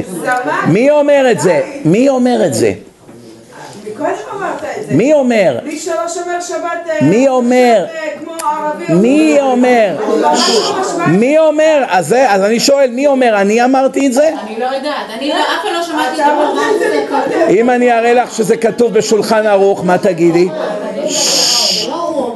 אם אני אראה לך את זה בתוך הגמרא, ברמב"ם, בזוהר, בשולחן ערוך ובתורה, מה תגידי אז? אז אני רוצ- משווה את עצמי ככה, אני מצטערת. שיהיה כתוב, אני- לא משווה את עצמי ככה. טוב, בכל מקרה, לפני שנסיים, תשמעו טוב, אמרתי לכם, האמת היא כואבת וזה טבעי לחלוטין ואין אין לי בעיה, אתם יכולים להתעצבן, כי אני גם הייתי מתעצבן, אם הייתי מחלל שבת והיו אומרים לי את זה, אני הייתי מתעצבן. רק ההבדל ביני לבינכם הוא ככה, כשאני הייתי מתעצבן, הייתי שותק עד שהייתי מברר את הפרטים. כשהוא אמר לי בן אדם טענה עליי, ואני יודע שהוא הוא מאשים אותי עכשיו שעל ידי שאני עושה מעשה מסוים, אני נחשב לכך וכך. ושואל אותו איפה המקור, הוא אומר לי בתורה ככה כתוב, ככה כתוב בתלמוד, ככה כתוב שבע פעמים בשולחן ערוך. אם אני סומך עליו שהוא מרצה שהוא לא שקרן, שיש לו מוניטין של הרבה שנים ואף פעם לא תפסו אותו בשקרים, אז אני יכאב לי ואני אאמין לו. אם אני לא יודע מי הוא, או שאני מסתפק בדבריו, הייתי אומר לו, תראה לי בבקשה איפה זה כתוב. אחרי שהייתי רואה שזה כתוב בתורה, ובזוהר, ובגמרא, וברמב"ם, ובשולחן ערוך, וככה פסק הרב עובדיה יוסף גדול הדור בדור שלנו להלכה, וככה פסקו גדולי הפוסקים בדור שלנו, כולם מבלי יוצא מן הכלל, אז אני הייתי מבין שזו האמת. עכשיו, עוד פעם, זה לא אני אומר, זה בורא עולם אומר. כדי להיות יהודים חייבים לקבל את האות, אות היא ביני וביניכם, ושמרו בני ישראל את השבת, אני קורא לכם פסוק מהתורה, לעשות את השבת לדורותם ברית עולם. מה הברית בינינו לבין השם? ביני ובין בני ישראל אות היא לעולם, אות, סימן, זה האות. אם אתה רוצה את ההסכם, תחתום, תעמוד בהסכם, אתה לא רוצה, שלום, לא מכריחים אותך, אתה רוצה להתנהג כמו גוי, תתנהג כמו גוי. אחד שלא שומר שבת, לא אוכל כשר, לא שומר כלום, לא כיפור, לא כלום. מה עושה אותו יהודי? אוכל חמץ בפסח. אבל עוד פעם הסברתי, צריכים שני תנאים. מצטערת. צריכים שני תנאים. כן. ומה הם ערבים זה לזה? ממש. אנחנו בתור אה, יהודים רואים בן אדם שהוא יהודי, האמא שלו יהודייה, הסבתא שלו יהודייה, כל הדורות של החיים שלו היו יהודים, והבן אדם הזה לא שומר שבת. אנחנו הדתיים, אני לא חס ושלום, אני לא מזלזלת פה באף אחד, אבל אנחנו הדתיים אחראים על היהודי הזה. נכון. אנחנו ערבים לו. נכון. אם אנחנו לא... בתורה כתוב, הוכח תוכיח את עמיתך. אבל גם אם אני מוכיחה אותו, גם אם אני מוכיחה הוא יהודי. תשמעי טוב, לא תשמעי. אנחנו לא יכולים. כל אדם שומר מצוות, יש לו חיוב, יש לו חיוב, כל אדם שומר מצוות, יש לו חיוב לעשות את כל שביכולתו, לעזור לכל החילונים להתקרב לתורה. אבל אין שום רשות לסלף מה שכתוב בתורה, כי התורה היא לא שלנו, אנחנו קיבלנו אותה מבורא עולם. ומה שכתוב בתורה עם כל הכאב שבדבר חייבים להסביר את זה לאנשים שעוברים על חוקי התורה. עכשיו אם הם כועסים זה סימן שהמצפון שלהם עוד עובד. אני ראיתי אנשים שומעים את זה ומחייכים, לא מזיז להם. לא מזיז להם שהקדוש ברוך הוא קורא להם גויים. אלה שצועקות פה הם הכי צדיקות. זה סימן שבתוכם הן נשרפות וזה סימן שהמצפון שלהם עוד עובד ויש להם נשמה יהודית ועכשיו שהם ילכו הביתה עם כל הכעס שיירגע הכעס אין שום כעס, אני פשוט... אני לא, אני עוד שומעת. אם יש כעס, אם יש כעס, שיירגע הכעס או, לא יודע מה, הפגיעה האישית שהם חושבים שמישהו בא לפגוע בהם, לא יודע בדיוק מה עובר להם. בגלל שאני שומעת על. יהודי שהוא לא יהודי, זה מה ותרומות שפוגע בי. מותר לקחת מגויים? כן, אה, כן. למה? בואי נשמע. למה, למה, למה, כן. למה מותר? למה מותר? נכון? כי על ידי שאדם שלא שומר שבת תורם, הוא פותח לעצמו זכויות לחזור בתשובה, כי מצווה גוררת מצווה. אין לנו רשות. אם עכשיו בא מחלל שבת רוצה להניח תפילין, ככה אחי חזר בתשובה. תקשיבו טוב, אגב, חבר'ה אתם, אני, אה, אתם עושות הרבה רעש, רוב, כמעט ואין כאן גברים, כולם פה נשים. ואתם כולם מדברות ביחד איתי, קשה קצת להשתלט על קהל כזה גדול. אז רק, ת, ת, חבר'ה תנסו רק להקשיב, לקבל את, ה, לקבל את האמת ואחרי זה תחליטו אם אתם רוצים לחיות על פי האמת או לא תקשיבו לי טוב כשחילוני בא ורוצה לעשות מצווה אי אפשר להגיד לו לא מעוניינים, למה? אולי המצווה הזאת תפתח לו את הפתח, מצווה גוררת מצווה. אנחנו לא בעלי בתים של התורה להגיד לו אתה לא תעשה מצוות. אבל יש תנאים, יש כללים. למשל, אם אני יודע שהכסף שלו גנוב, בוודאי, והוא רוצה לתת את זה, אסור לקבל ממנו. אבל אם הכסף שלו חלק גנוב, חלק כשר, מותר לקבל ממנו על דעת שזה בא מהכשר. יש דינים, כל דבר יש לו חוקים. השם לימד אותנו הכל בהר סיני. איך הרב הזה עכשיו שעצרו אותו, שהוא לקח כסף מעבריינים, שהוא בבית סוהר, יש לו עכשיו אה, משפט? נו, נו. איך קוראים לו? לא משנה, נו. הוא מאוד אה, כן, נו. לא מכירים. אז מה, אז הוא לקח, אז הוא קיבל... נו, מותר לקבל, אמרתי, מותר לקבל מעבריינים. עבריינים שרצחו... מותר, גם העבריינים האלה יש להם גם מסעדות ויש להם עסקים שהם מרוויחים כסף חוקי. רבותיי, לפני שמסיימים, יש לנו כמה ימים ליום כיפור. שמעו טוב, כתוב בתורה, ושבת עד השם אלוקיך ושמעת בקולו, ושב השם אלוקיך וריחמך. אחרי שאתה תעשה את הצעד הראשון, תשוב עד השם אלוקיך, אז הקדוש ברוך הוא ירחם עליך. משמע אם אדם לא עושה שום שינוי בחייו, אין עליו רחמים. הרחמים מגיעים אך ורק אחרי שאדם עושה את הצעד הראשון. כתוב פתח לי פתח כפתחו של מחט ואפתח לך כפתחו של אולם. אתה תעשה את הצעד הראשון ואז אני אעזור לך. לא תעשה, לא יהיה עליך שום רחמים. עכשיו צריכים לדעת, יש משנה במסכת סנהדרין, קיבלנו אותה בהר סיני, ככה כתוב, כל ישראל יש להם חלק לעולם הבא, שנאמר, ועמך כולם צדיקים, לעולם ירשו ארץ, נצר מטעי, מעשה ידיי להתפאר. עם ישראל, כמו שאמרתם, כולם נשמות יהודיות, נצר מטעי להתפאר, עם לתפארת, מי כמוך גוי קדוש בארץ, ככה כתוב על עם ישראל. אבל יש למשנה הזאת המשך, והמשנה ממשיכה, ואלו שאין להם חלק לעולם הבא. זאת אומרת, יש יהודים, אימא שלהם יהודייה, ביום שהם מתים, הם לא נכנסים למקום שהשם הבטיח לעם ישראל, חיי נצח, הם לא הולכים לשם, אין להם חלק לעולם הבא, ואחד מהם זה מחלל שבת. שכתוב עליו ונכרתה הנפש ההיא מישראל. פסוק בתורה. אני לא כתבתי את התורה, אין לכם מה לכעוס עליי, אני רק קורא לכם. אתם לא, לא מאמינות, תלכו ותקראו. אחרים יותר מעניינים. אה, האמת כואבת, בטח. לא, האמת לא כואבת. למה לא? אתה יודע מה, אני קוראה ספרים כן. ברוחנות, ש- נו, נו. בגלגול נשמות, כן. אני קוראה המון ספרים כאלה. כן, כן. וקראתי גם של יהודי וגם של אה, אמריקאית. אני לא סיימתי את הרשימה, אבל. שנייה. נו. כולם עולים למעלה, לכולם יש גלגול נשמות, לכולם יש מקום בעולם הבא. אז קודם כל ככה, רוב האנשים שנמצאים פה... גם לנוצרים ולמוסלמים. כן, נכון, נכון. רוב האנשים שהיום פה, הם כבר היו פה בגלגולים אחרים, זה נכון. אבל לא כל האנשים צריכים לחזור בגלגול. למשל, מי שהיה צדיק גמור בזמן שהוא נפטר, ובמיוחד אם היה לו איסורים בשנים האחרונות, הוא לא צריך לחזור בגלגול, הוא הולך לגן עדן, נגמר הסיפור. מי, יש אנשים, חס וחלילה, שכבר נגמר להם הצ'אנסים. היה להם כמה גלגולים, קיבלו, קיבלו, קיבלו צ'אנסים, עד שהקדוש ברוך הוא, לא עלינו, כרת אותם מחיי הנצח. שנאמר, כמו שהרמב"ם כותב, נחרטים ועובדים לדיראון עולם, לא עלינו. עכשיו המשנה ממשיכה, ואלו שאין להם חלק לעולם הבא, האפיקורסים, אלה שמזלזלים בתורה, שהרבנים מדברים, הם עושים צחוק, לא מאמינים לשום דבר.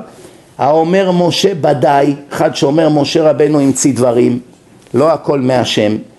אחד שלא מאמין במשיח, אחד שלא מאמין בתחיית המתים, כמו אלה שאומרים, מה אתה באמת מאמין שהמתים יקומו לחיים? מה אתה טיפש? אתה אדם נאור, איך אתה מאמין בשטויות כאלה? כאלה אנשים, יש הרבה כאלה, יש כאלה גם עם כיפה על הראש. או כופר בתחיית המתים. אלה שחס וחלילה אומרים יש יותר מאלוה אחד, יותר מקדוש ברוך הוא אחד, יש עוד.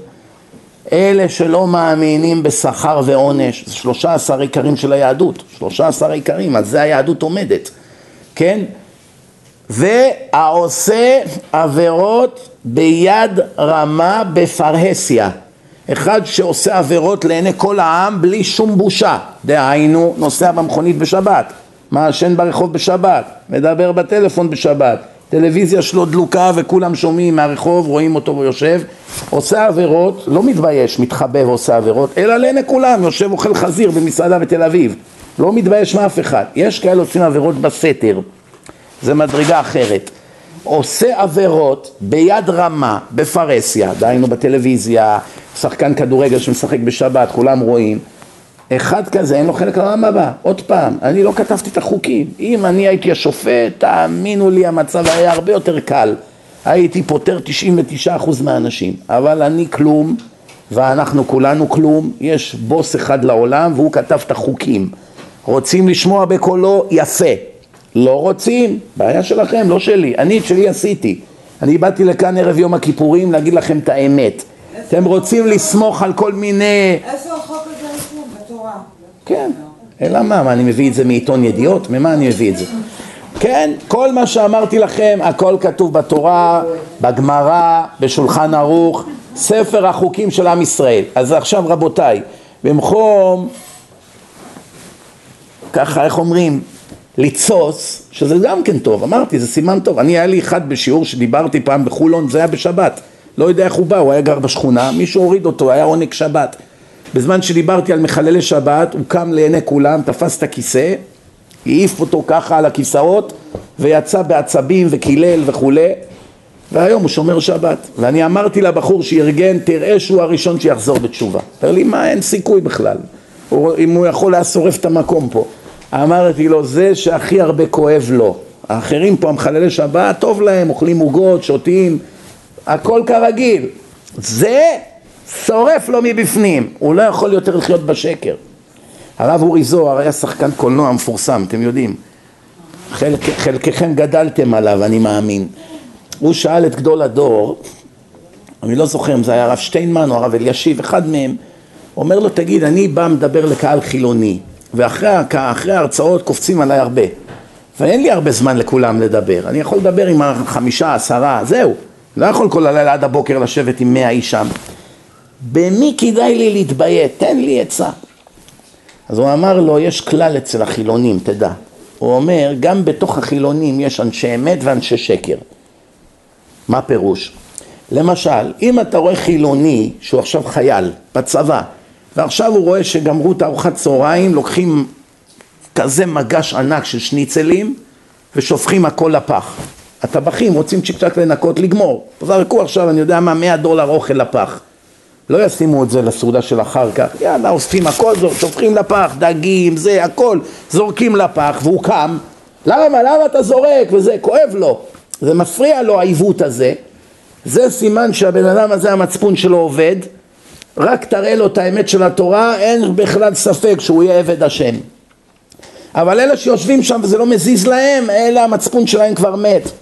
אם תראה את החילונים שעומדים, מפגינים על השחיתות בממשלה, או על כל מיני דברים, או על כל מיני טיוחים, כל, כל מיני שמפגינים ועושים ופותחים עמותות וצועקים, אלה אנשים שהעיוות של הצדק חורה להם. ממילא כשהם יבינו שכל רגע בחיים שלהם הם פושעים נגד בורא עולם וכפויי טובה, לא מידיעה, הם לא תכננו לכפור בבורא עולם, פשוט חינכו אותם ככה. ברגע שהם מגלים שיש לעולם בורא ויש דין ויש דיין ויש תורה ויש אמת, הם לא יכולים דקה יותר לחיות בשקר. פעם היה לי איזה אשכנזי אחד בריק, השם שלו היה. הייתי נותן שיעורים באיזה מסעדה בפרלון, ניו ג'רזי. כל שיעור, הוא היה בא אחרי השיעור, אומר לי, אני לא יודע, אני משתגע כבר. אמרתי לו, מה? אומר לי, אני יושב שעתיים, כל שבוע היה שיעור שם. זה כאילו שאתה לוקח כזו סכין, תוקע לי אותה בלב מתחילת השיעור, שעתיים מסובב, מסובב, הורג אותי, הורג אותי, אני מת! אמרתי לו, תשמע, אין, אחד כמוך זה רק עניין של זמן, אתה לא תוכל יותר להישאר בחיי השקר שלך. אחרי כמה שבועות הוא בא לישיבה, חזר בתשובה. למה? כי ראית על הבן אדם שהוא שומע מה כתוב בתורה והוא יודע שהוא עושה הפוך, זה הורג אותו. זה נשמה עם פוטנציאל של צדיק. אבל יש אנשים, לא מזיז להם בכלל. לא אכפת להם שכתוב עליהם בתורה שהם כפויי טובה, לא אכפת להם שמשווים אותם לגויים, לא אכפת להם שכתוב עליהם שאין להם חלק לעולם הבא, לא אכפת להם שכתוב תועבת השם, שהקדוש ברוך הוא מתעב אותו, למשל אדם גאוותן, שעושה הרבה רעש וצלצולים וכל דבר רוצה שישימו עליו לב, כתוב בתורה תועבת השם כל גבל לב, אדם גאוותן, שוויצר, שואו אוף, הקדוש ברוך הוא מתעב אותו, ככה כתוב, פסוק מפורש. כמה כאלה קוראים את זה ואחרי שנייה ממשיכים עם הגאווה? זה היה אמור להוריד אותך קצת לרמה של ענווה, תשתדל, תעבוד על עצמך. כמה דברים כתובים בתורה, למשל על עובדי עבודה זרה, איזה סוף היה להם בתורה, מה השם עשה להם. הרי התורה מלאה בתיאורים מה קרה לרשעים. אם לא נלמד מזה, ממה כן נלמד? הרי מה זה תורה? כשאני קורא מה השם עשה לאנשים מסוימים לאורך ההיסטוריה, והתורה אומרת על מה הם נענשו, למשל צלופחד, הוא היה מחלל שבת הראשון בהיסטוריה. עוד לא היו מחללי שבת, כי רק קיבלנו שבת, שבת ראשונה. דרך אגב, השבת, השבת היא ניתנה לפני התורה. כבר לפני התורה, הקדוש ברוך הוא אמר למשה רבנו, מתנה יש לי בבית גנזי, ברצוני לתנה לעם ישראל. לך והודיעם, לך תודיע להם שיתכוננו, אני נותן להם את הדבר הכי יקר לי. מה זה? השבת. אותי ביני וביניכם. ואז כשקיבלו את השבת, בא צלופחד והיה מקושש עצים, ככה כתוב בתורה, והאיש מקושש עצים וזה וכולי, ומשה לא ידע מה לעשות איתו, הוא שם אותו במאסר, והוא שאל את הקדוש ברוך הוא מה לעשות איתו, וכתוב בתורה, עוד פעם, אני לא כתבתי את התורה, בתורה כתוב, הקדוש ברוך הוא אמר לו, תוציא אותו להורג לעיני כולם, כדי שכולם יראו מה העונש של מחלל שבת בתורה, והוציאו את צלופחד להורג. זה, פס, זה בתורה, ככה השם אמר לעשות. הוא התנדב, לא, הוא רצה להראות לעם ישראל, מה זה- צלופחד, בסוד של הדבר, הוא באמת אמר אני אחלל שבת, שיראו מה העונש של מחלל שבת. ואף על פי כן קיבל מוות. מילא הייתי אומר אחד שעושה בכוונה, בשביל הכרס שלו, או בשביל התאוות שלו, אז השם אמר, מחלל שבת מות יומת. אבל אחד שעשה בשביל לשמש דוגמה, לפחות איתו תקל. אז מה הוא היה בעצם? אז הנה, אתה רואה שהוא קיבל עונש מוות, זה פסוקים בתורה. מה השם אמר? אתם יודעים שמגיירים את הגויים בבית דין, זה המשפט שאומרים להם. אתה בטוח שאתה רוצה להתגייר? תחשוב אלף פעמים, כי ברגע שאתה נכנס למים ויוצא, נגמר הסיפור. אתה לא יכול לחזור בך יותר. לא כדאי לך. משה רבנו הוציא להורג מחלל שבת. עכשיו מותר לך לעשות מה שאתה רוצה בשבת, אתה גוי. תיכנס או תיכנסי למים, אתה נכנס קריס, אתה יוצא יוסף. את נכנסת קריסטין, את יוצאת שרה. אין יותר משחקים. את בטוחה שאת רוצה, אתם צריכים לראות איך הם בוכים. כל שבוע, יצא לי כמעט כל שבוע לעשות פה גיורים. אתם צריכים לראות איך הגויים, כן, כן, אמשור, אמשור. לא כדאי לך. עכשיו תהיה גוי צדיק, שבע מצוות בני נוח, יש לך גן עדן של גויים. אין לך את כל מה שהיהודים מחויבים בו. חיים קלים הרבה יותר, וגם יש לך גן עדן, עולם הבא, מה? והם לא מוותרים. לא, I want the real thing. I don't want שבע מצוות. פלא פלאים. ואני אני כל פעם עולה לי בראש ואני אומר, ריבונו של עולם. אתה בא ליהודים, מתחנן אליהם, מראה להם פסוקים מפורשים, לא רק שלא משתנים, עוד מגדפים אותך. ואלה מתחננים אליהם לא לחזור בתשובה, תישאר גוי, רק תשמור שבע מצוות בני נוח, זה קל, מה? זהו, תהיה גוי נחמד, צדיק, מאמין באל אחד, לא אוכל איבר מן החי, לא רוצח, לא גונב, דברים הרגילים, וזהו, אתה צדיק. והם לא רוצים. הייתה פעם איזה גויה, הייתי חודש משכנע אותה לא להתגייר. אומרת לי, כל פעם שאתה נותן לי את הנאומים האלה נגד להתגייר, אתה גורם לי עוד יותר, אני כבר לא יכולה לחכות כבר לגיור. מה רואים מכאן? זהו, היהודים יש להם יצר הרע, אין מה לעשות, זה לגויים אין. עם קשה עורף. ככה נאמר. לכן אני אומר לכם רבותיי, תאמינו לי, תאמינו לי, שאני לא אומר לכם דברים סתם. מה שאני אומר לכם זה אמת לאמיתה וזה מה שכתוב. שומעים? ואני רוצה רק לסכם בדבר אחד, ונסכם בעניין אחד, תשמעו טוב. יש יהודים שמצווה לאהוב אותם, יש יהודים שאסור לאהוב אותם. דוד המלך כתב בתהילים, משנאיך השם אשנא. מי ששונא את השם, מי שמדבר נגד הדת, אסור לאהוב אותו. מי שאוהב אותו עובר עבירה מחוקי התורה. כתוב שחייבים לדון כל אדם לכף זכות, זה רק בתנאי שיש לו חזקה של צדיק. מה פירוש? אם אדם ידוע שהוא לא גנב, מעולם לא נתפס בגניבה, אפילו שהוא לא שומר שבת נגיד, אבל הוא, לא, אין עליו רקורד של גנב, מעולם לא נתפס בגניבה, לא הורשע בבית דין, ועכשיו נעלם איזה ארנק מהבית והוא היה שם, אסור לחשוד בו, אסור להגיד זה האיציק הזה כנראה גנב, הוא מחלל שבת, זה בטוח הוא גנב, למה? בגלל שיש לו חזקה של כשר בענייני ממונות, אף פעם הוא לא הורשע בגניבה, בסיוף, ב... אז לכן אנחנו נותנים לו מה שנקרא the benefits of the doubt. אבל אם יודעים שהאיציק הזה כל שבת נוסע באוטו, מעשן, רואה טלוויזיה, מדבר בטלפון, לעיני כולם, זה עשרים שנה מכירים אותו, מחלל שבת, ורואים אותו עכשיו נוסע בשבת במכונית, והילד שלך שואל אותך, אבא זה איציק הזה, זה השכן, מה הוא מחלל שבת? אסור לך להגיד לו לא. להגיד נכון, הוא מחלל שבת, אסור לתת לו כף זכות. כי יש לו חזקה של רשע בעניין שבת, הוא לא שומר את המצוות, רשע זה לא רע, רשע זה פירוש אחד שעובר על חוקי התורה, יכול להיות בן אדם טוב לב, הוא נחשב רשע, יכול להיות אדם צדיק ואין לו לב טוב, מטבעו הוא לא בן אדם טוב, הוא קר, הוא לא רגיש מספיק, אבל הוא שומר מצוות, ויש אדם טוב לב, זהב הלב שלו, אבל רשע גמור, מתגלח בתער, אוכל חזיר, אבל בן אדם טוב לב, בחיים לא יפגע באף אחד.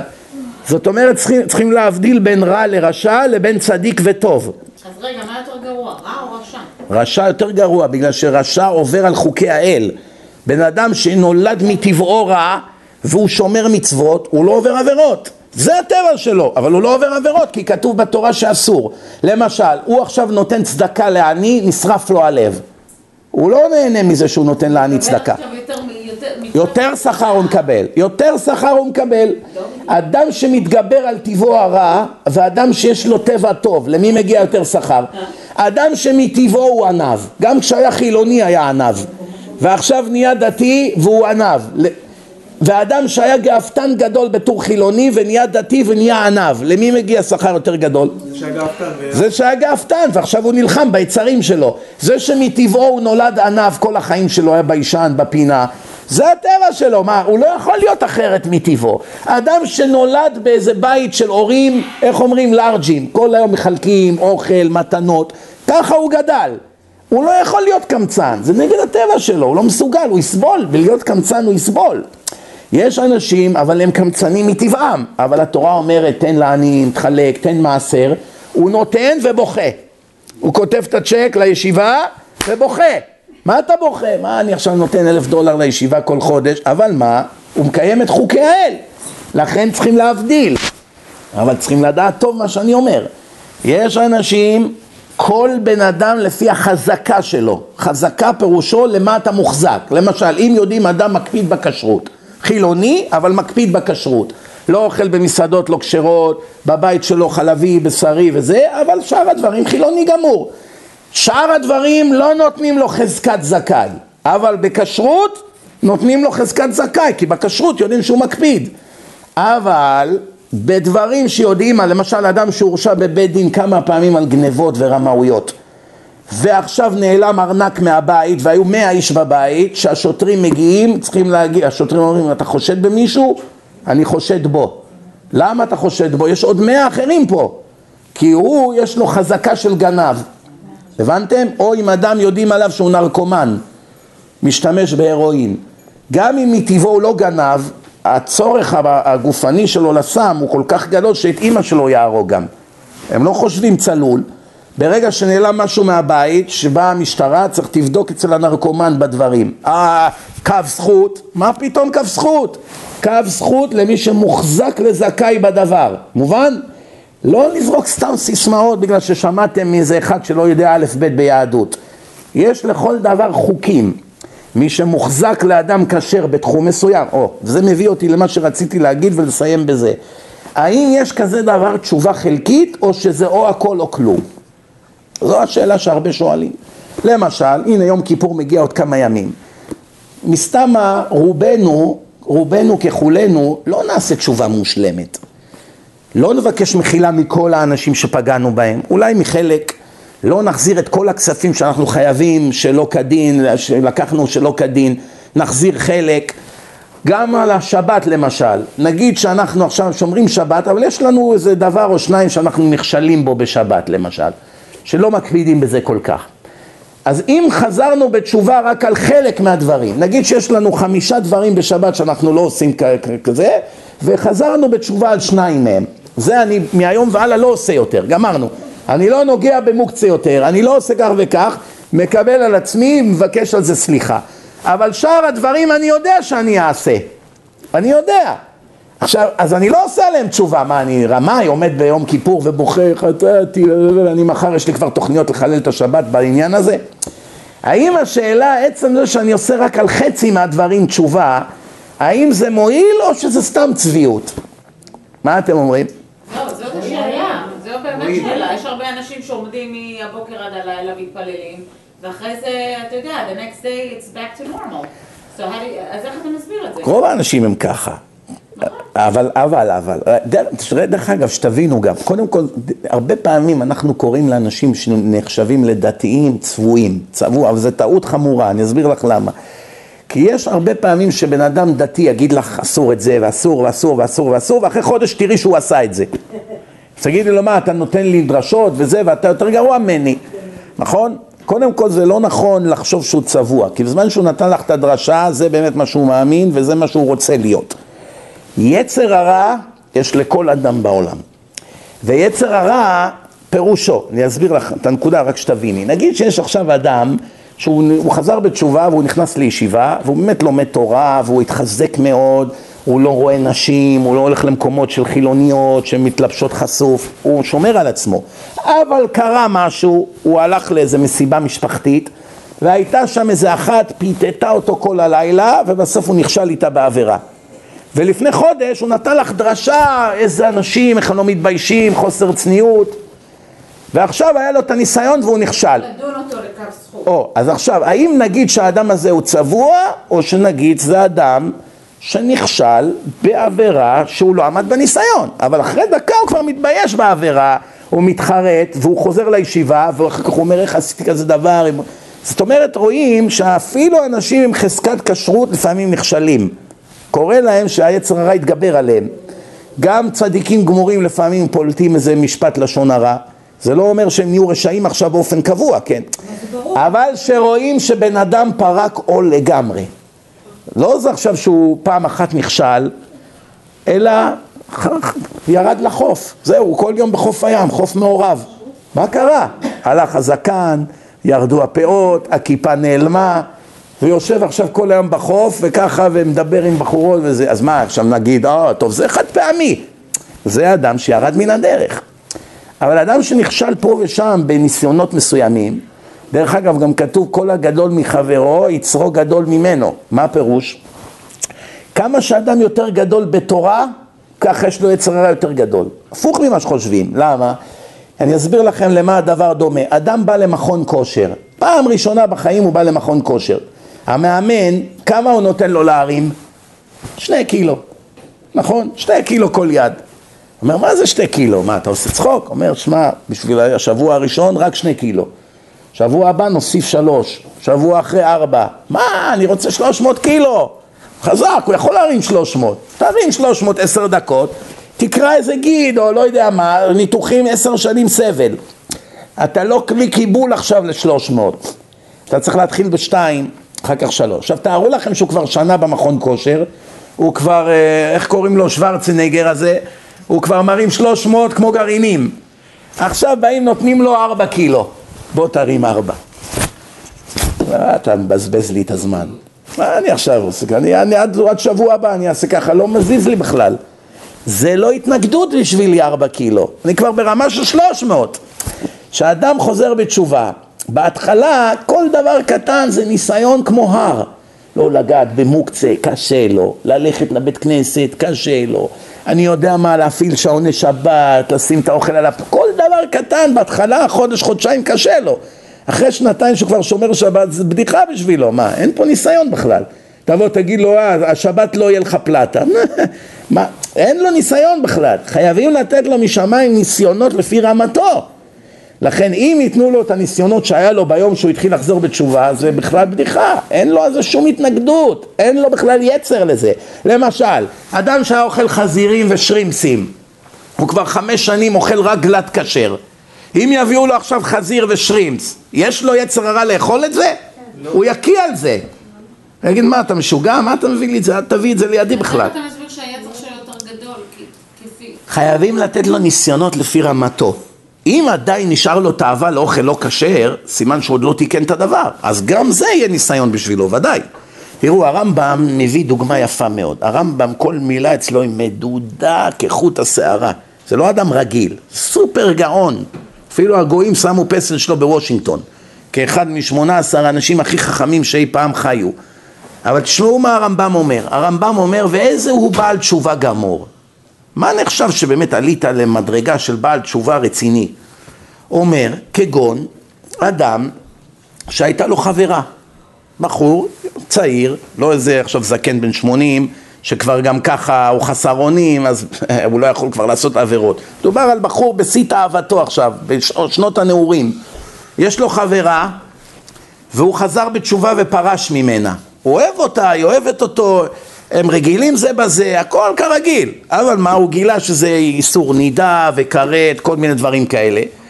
הוא פרש ממנה, הלך לישיבה כמה חודשים, חזר לעיר, היא מופיעה. איציק, מה נשמע? וואו, שכחת לגמרי, לא שולח הודעות, ההוא, הוא רוצה להתנקות מכל הזיכרונות, כן? עכשיו היא אומרת, טוב, תבוא, ההורים שלי רוצים להגיד שלום, תבוא לכוס קפה, תבוא לקידוש, איך אומרים? היצר מתחיל לברור בו עכשיו. שישה חודשים הוא פרש ממנה, הוא רואה אותה, הוא התגעגע אליה, היצרים נשארים. והרמב"ם כותב, ולא שלא חזר לעשות איתה את החטא בגלל שהוא זקן או חולה או תשוש או לא יודע מה, אלא עומד בתאוותו אליה.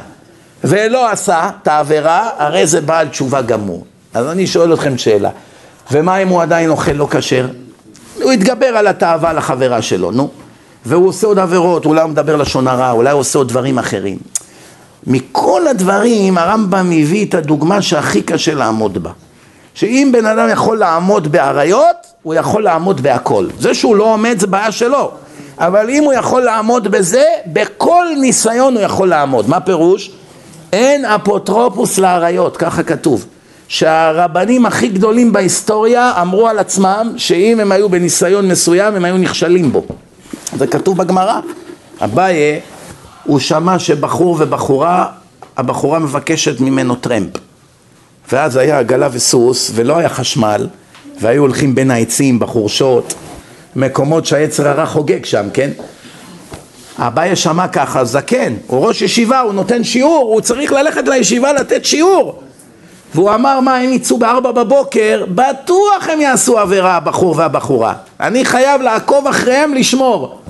שאם יבואו לעשות עבירה אני אקפוט הוא עקב אחריהם שעות, שעות, שעות בסוף הגיעו לצומת דרכים, הבחורה ירדה, לא נגעו אחד בשני, דיברו רק דברי תורה, הכל היה כשר למהדרין. הגיעו לצומת, תודה רבה, השם יהיה בעזרך, השם יהיה בעזרך, שלום, שבוע טוב, היא פנתה ימינה, הוא פנה שמאלה והלכו.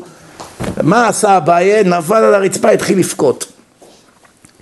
בא איזה אחד, רואה גדול הדור, תארו לכם עכשיו, אחד כמו הרב עובדיה יושב בחולות, עכשיו בוכה, מה קרה כבוד הרב, תקום, מה אתה בוכה, מה קרה? ישר אתה נבהל, רק מהמראה. אומר לו, אתה רואה את הבחורה ההיא שם? כן. אתה רואה את הבחור ההוא שם? כן. אני עוקב אחריהם שעות, כל הדרך. נו, נו, מה קרה? הוא חושב כבר מי יודע מה עשו. מה קרה? נו, נו, מה? אומר, כל הדרך לא עשו עבירה.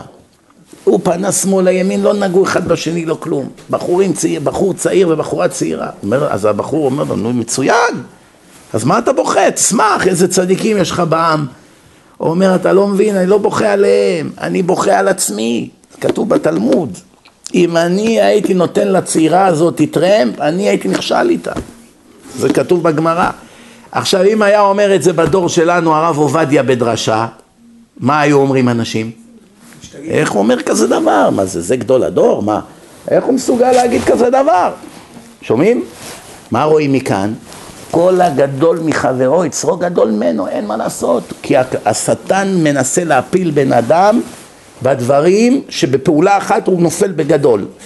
כי הוא אמר, הוא לא ישכנע אותו לעשות עבירות קטנות. הוא חייב לתת לו ניסיון, לפעמים זה בכבוד. הרבה פעמים רואים שני חכמים גדולים רבים אחד על השני על ענייני כבוד. פעם היה הפוך, פעם אחד היה משכנע את השני, לך מגיע הכבוד.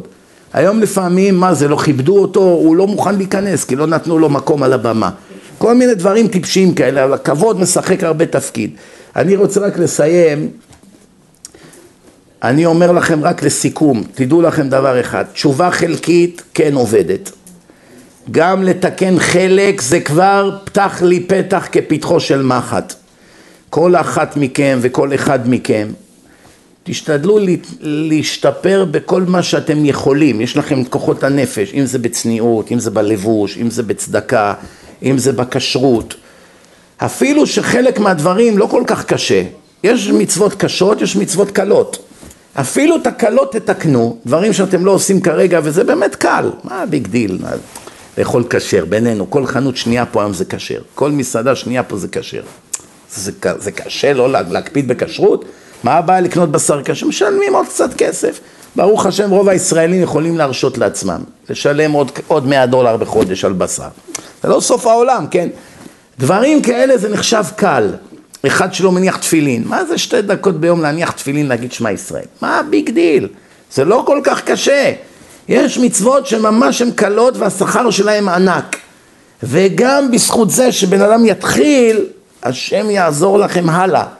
ואני רוצה לתת לכם גם עוד עצה לחיים. לפני שאתם הולכים או הולכות לישון כל לילה, יש בסידור שמע ישראל.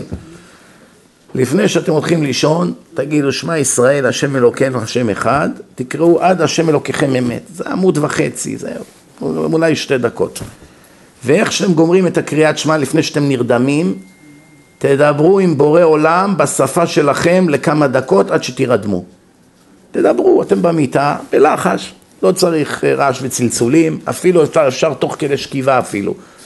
להגיד לבורא עולם, אם לא צנועות או כותונת לא צנועה, אז להתכסות בשמיכה, גם גברים, לדבר עם בורא עולם ולהגיד, ריבונו של עולם, אני כרגע, או אני, גבר או אישה, לא חיים על פי חוקי התורה, מסיבות שכל אחד והסיבות שלו. אנחנו כן רוצים לחזור בתשובה, להיות קרובים אליך, לראות את האור, את המתיקות של התורה, רוצים לזכות לחיי העולם הבא, רוצים לעולם לא להכעיס אותך. בבקשה, תן לנו את הכוח ואת הסיוע לחזור בתשובה מלאה מתוך עושר, לא על ידי מחלות ולא על ידי הפסדים ולא על ידי צרות, אלא בשמחה ובטוב לבב. זה מה שתדברו. ותראו איך תוך חודשיים שלוש כל החיים שלכם לאט לאט משתנים ואתם לא תרגישו אפילו, בלי להרגיש כלום, פתאום אתה כבר שומר, פתאום אתה נהנה משבת, פתאום אתה נהנה לבוא לבית הכנסת, פתאום כיף לך להניח תפילין, פתאום את מתלבשת יותר צנוע, מה, איך אני נהייתי כזאתי צנועה, אני בחיים שלי לא האמנתי כזה דבר. כל הדברים האלה צריכים לבכות לקדוש ברוך הוא, תדעו לכם את זה. אנשים לוקחים את זה כמובן מאליו, צריך זכות כדי לחזור בתשובה, צריך זכות. יש לכם שם דיסקים, הכל בחינם, לא צריכים לשלם ולא צריכים לתרום גם. בבקשה, כל אחד לפחות ייקח אחד מהם. יש שם סרט תורה ומדע, כדאי מאוד לצפות בו. יש סרט תכלית החיים, הוא אמנם באנגלית, אני לא יודע אם הבאתי עם התרגום או לא, אבל יש שם דיסקים בעברית. יש חיים אחר המוות, מה קורה לנשמה ביום המוות, דברים שהמדע מוכיח, הכל היה כתוב כבר בתורה. יש שם סדרה של כל הפרקי אבות, דרך ארץ קדמה לתורה, איך להתנהג, נימוסין, איך לדבר, איך להתלבש, כל הדברים האלה ביום יום, בחיי היום, דברים מאוד מעניינים, עם סיפורים מהחיים, חלק מהם זה לשמיעה באוטו, mp3, חלק מהם זה DVD. תצפו בזה, תקשיבו לדרשות, אין שום דבר שימנע מכם להתקרב לקדוש ברוך הוא. מי שלא ישמע או שלא תשמע, אין כזה דבר, השיעור הזה יישכח, עוד יומיים שלוש, חוזרים לשגרה, נגמר הכל. אבל אם אתם תתחילו לשמוע במכונית הרצאות, זה יחזק אתכם ויקרב אתכם. תודה רבה, שנה טובה לכולם, גמר חתימה טובה, כל טוב.